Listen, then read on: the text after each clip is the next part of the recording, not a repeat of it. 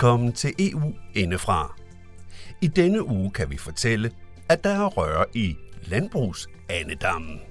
Det er en historie om dansk enegang kombineret med EU-målsætninger om at blive både mere bæredygtig og mere CO2-neutral.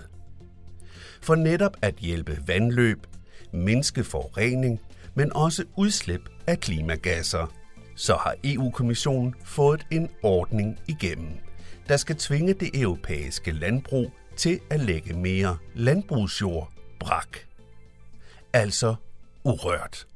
Noget, der ifølge beregningerne også ville kunne forhindre flere dyre og insekter i at uddø.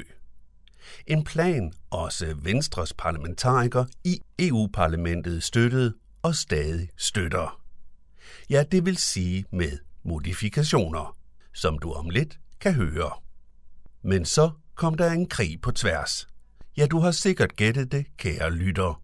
Vi taler om krigen i Ukraine. Netop Ukraine er, som de fleste sikkert har hørt, en stor producent af fødevarer. Sidst vi berørte dette emne, ønskede mange parlamentarikere at sætte den planlagte braklægning på is, indtil krigen er overstået. Så landbruget kan producere så meget mad som muligt. Det lyttede EU-kommissionen til, men lod det være op til de enkelte lande at bestemme, om de nu også vil sætte planerne om braklægning på standby. Ifølge vores interviewperson så benyttede samtlige EU-lande sig af den mulighed, undtagen Danmark. Og det har bragt vores politikere i interviewet helt op i det røde felt. Asger Christensen fra Venstre kalder det blandt andet for, ja, det kan du høre lige om lidt. Men historien, den ender ikke her. For vores interviewperson har samtidig afsløret, at de danske myndigheder yderligere kommer salt i såret ved at over, nej, ligefrem fejlfortolke baklægningsordningen. Alt det og meget mere kan du høre i vores udsendelse, som kommer her.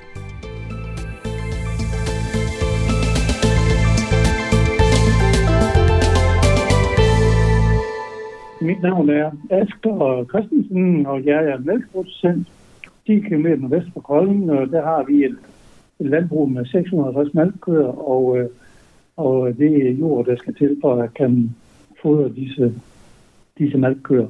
Og derudover så er jeg politiker ved siden af, af det at være landmand, og det er, er en af de få øh, politikere, der har et, et aktivt erhverv ved siden af det at være politiker.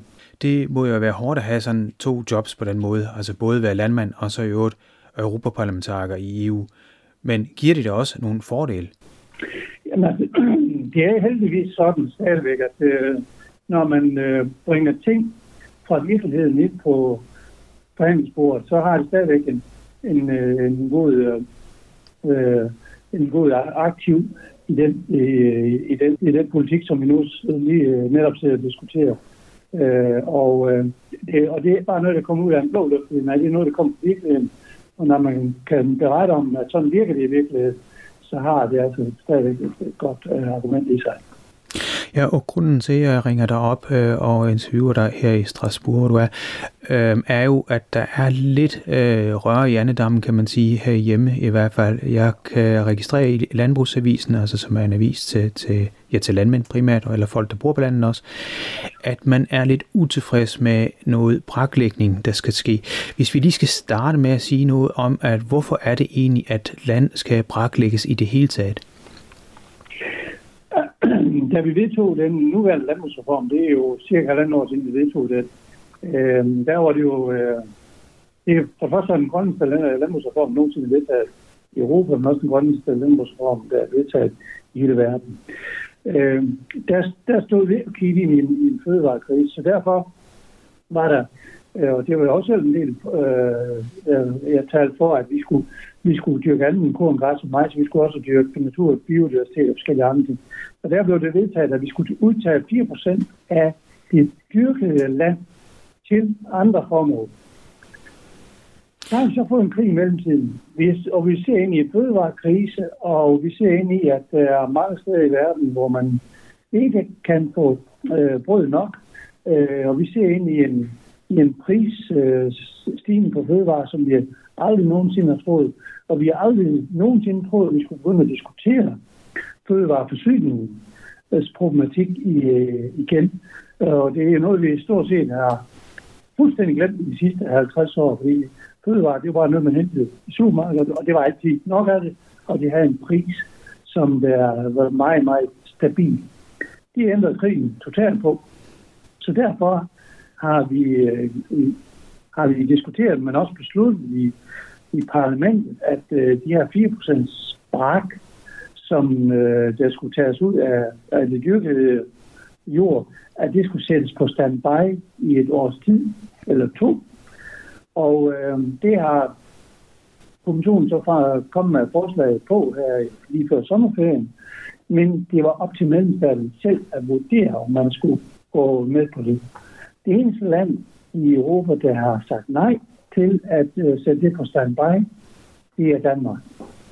Og derfor øh, øh kan man høre med øh, en god begrundelse, en vis utilfredshed hos de danske landmænd, der godt ville være med til at forsyne verden med, med de fødevarer, der kunne være for de 4% areal, som man nu skal tage ud. Det kan, det kan mine kolleger hjemme ikke få lov til. Og det er fuldstændig vanvittigt, at vi står i den situation i Danmark, at vi som det eneste land ikke skal være med til at sikre mad på tallerkenerne i de fattige lande. Og det synes jeg er meget problematisk. Hvis jeg forstår det rigtigt, så er du grundlæggende enig i, at der skal være 4% braklægning, men du er ikke enig i, at det skal være lige nu i den her fødevarekrise. Ja, det, det, det som jeg siger, det er, at nu skal vi sætte, vi vil sætte det på standby i et års tid eller to, og så forhåbentlig får vi en, en normalisering igen på, på hele fødevareområdet. Så øh, det skal vi selvfølgelig tage det op igen til, til vurdering. Og, øh, og som sagt tidligere, så øh, er jeg helt opvist om, at vi også fremadrettet skal kigge på, at vi skal have nødt biodiversitet, og vi skal dyrke anden korn, bare så meget. Men lige nu, i den her situation, så mener jeg, at det er påkrævet, at de bliver, de bliver sat på pause. Men der vil jo være nogen, der siger, jamen altså miljøet og, og, og også CO2-kvoter, fordi det skal de skynde sig at sige, det ene ting er vandløb og så videre, men en anden ting, som braklægningen også går til, som du også nævner, er biodiversitet. Altså det, det er dyr og smådyr, der er ved at uddø lige nu, og der er selvfølgelig også klimakrisen. Man kan vel godt sige, at det kan ikke vente i to år øh, på det her. Ja, det mener jeg kan, og fordi at, øh, at øh, hvis, hvis befolkningen for det første begynder at fryse, og der ingen mad er på tallerkenerne, så bliver der politisk ustabilitet. Og der bliver politisk uro, og der kommer demonstrationer, der kommer øh, regeringskriser, der kommer virkelig mange kriser i kølvandet på, hvis, hvis befolkningen har noget spist. Bare lige som en reminder, den franske revolution blev startet på grundlag af, at der var brød i Paris i fire, i fire døgn. Vi ser allerede nu, i Afrika, at der er mennesker, der begynder at demonstrere, fordi for det første, de har råd til at købe det mad, som der måske er noget af, men i mange tilfælde, så er det slet ingenting.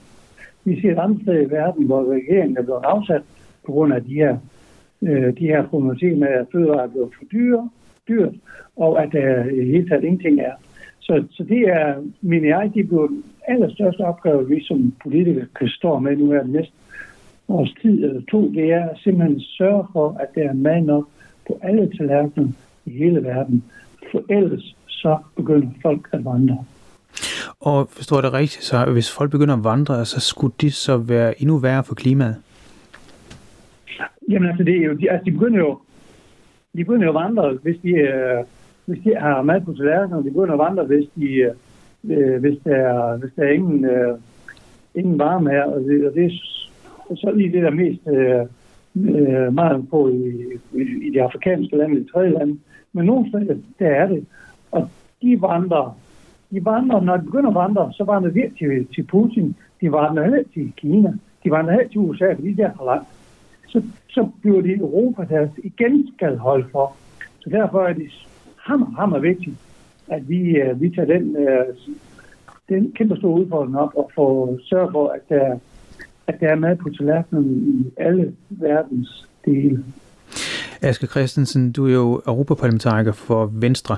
Jeg ved, at over i den anden side, den politiske spektrum, der vil det være øh, enhedslisten, som vil sige, jamen det er godt nok med, med, med landbrugsproduktioner, men behøver det være animalsk? Altså deres pointe mm. vil så være, at øh, hvis man omlagde det til, til, til grønne marker, om man så at sige, så vil det kunne dyrke noget andet, altså noget, der kunne give mere mad for folk, der ikke spiser kød, da kød ikke kommer tredje verden til gavn. Og det er fuldstændig rigtigt, at vi kan, øh, hvis vi kun dyrker kikærter og, og brønderspiger, så kan vi, så kan vi producere, øh, producere til flere mennesker på et mindre areal, end det vi, det vi gør i dag. Vi bruger en hel del til animalsk produktion. Men det er faktisk sådan, at verden, verden efterspørger animalske proteiner. Og der er det min point, at så er vi, så er vi forpligtet til at producere det, og der, hvor der, er mindst, hvor der er det mindste aftryk på at producere animalske proteiner. Og det er faktuelt i Danmark, Sverige, Finland og i nogle af de andre europæiske lande. Det er der, vi producerer mad med den laveste CO2-aftryk.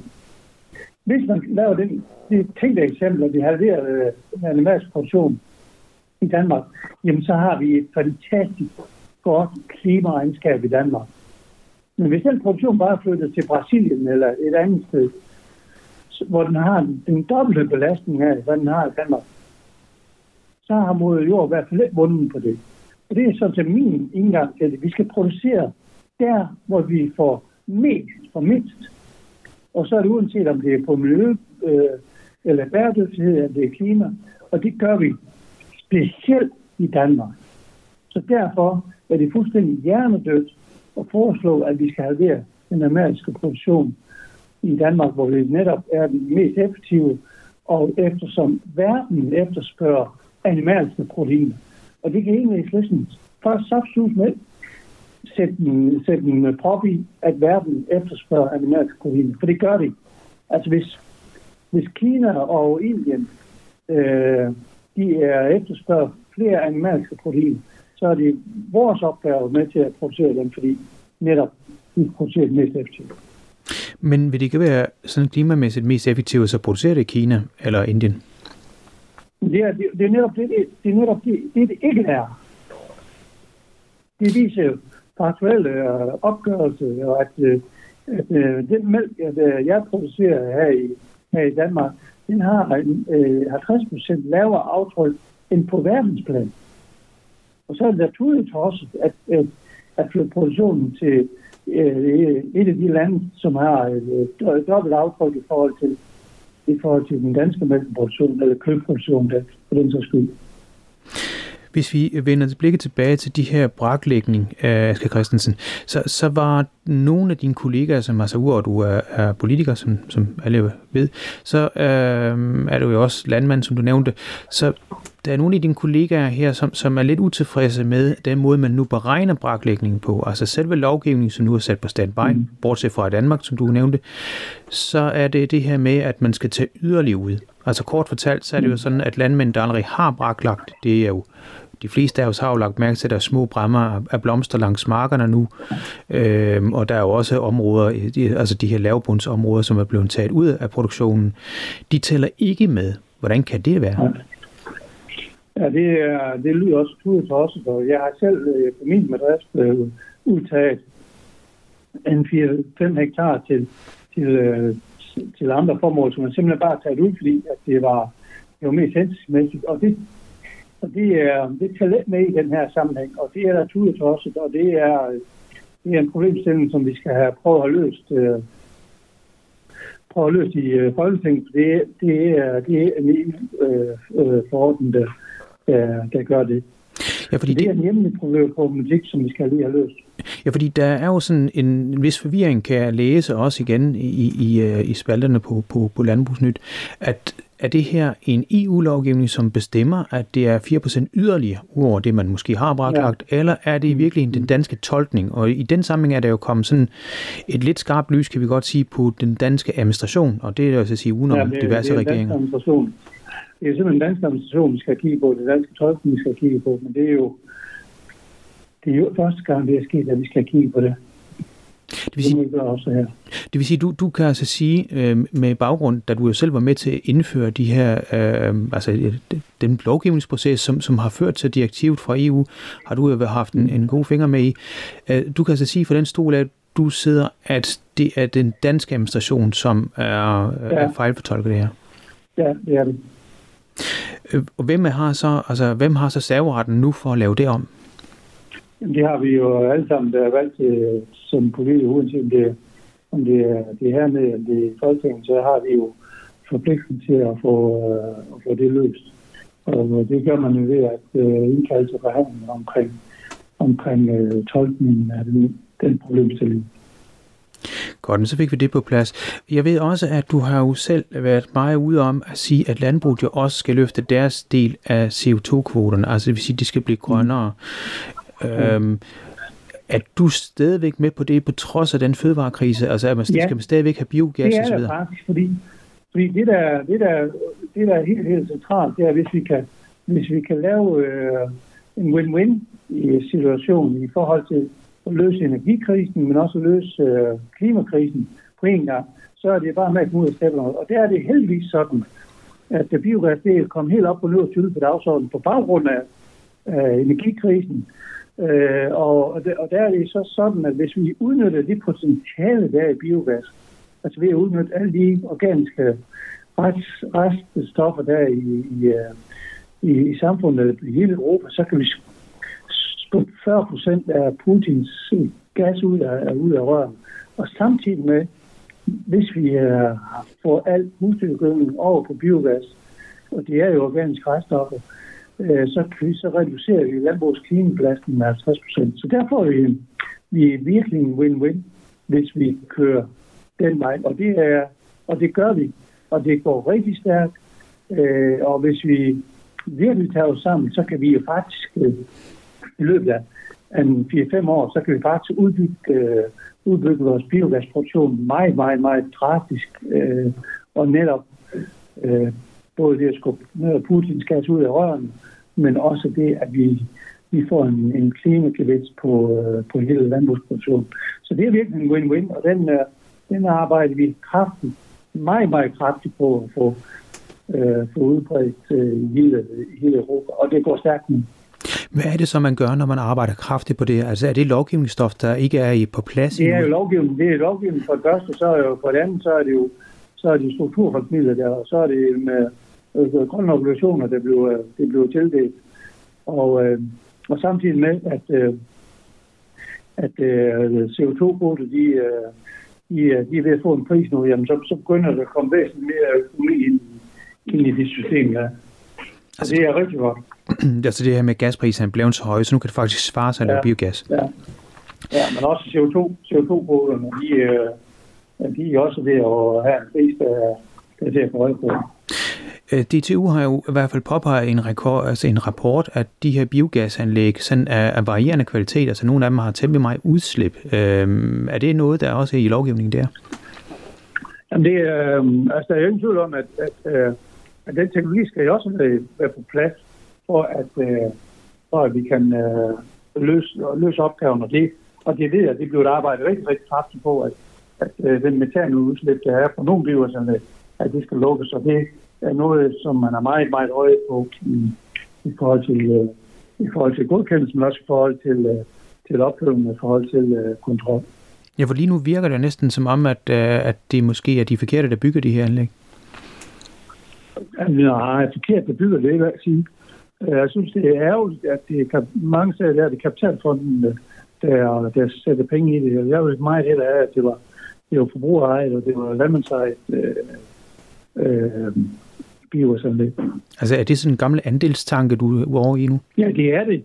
Det er det, fordi at øh, altså, kapitalfonde, de er jo selvfølgelig, det, det er jo, det er jo noget det i og, og, og skal tjene, øh, tjene penge, men kapitalfondene, de er jo øh, de har jo mange ejere worldwide, og de har ingen lokale relationer, de har ingen lokale øh, engagement, øh, som, som hvis det var en, øh, et andet selskab, der havde det.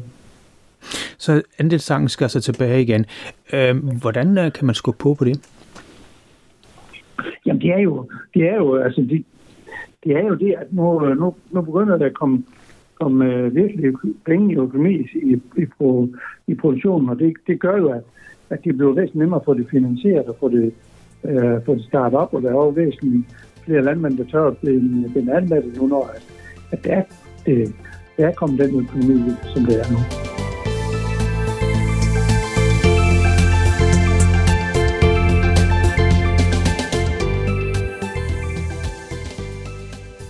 Du har hørt Asger Christensen fra Venstre tale om blandt andet dansk enegang, når det gælder braklægningsordningen.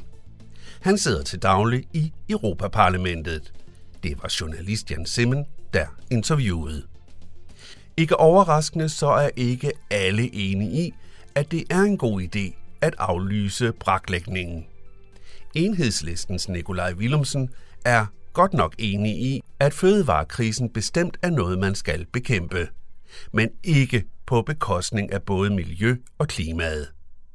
Hans bud på en løsning havde vi med i en tidligere udsendelse. Den kan du høre eller genhøre på radiomb.dk-eu. E men hvad mener du, kære lytter? Kan vi tillade os at fokusere på klimaet, mens sulten truer mennesker i de mere fattige lande? Eller hjælper vi netop med at fokusere på at bekæmpe klimaforandringer, da de for eksempel er med til at skabe mere ekstremt vejr, der allerede i dag sender millioner ud i håbløs fattigdom. Vær med til at diskutere dilemmaet på den elektroniske folkeoplysnings Facebook-side.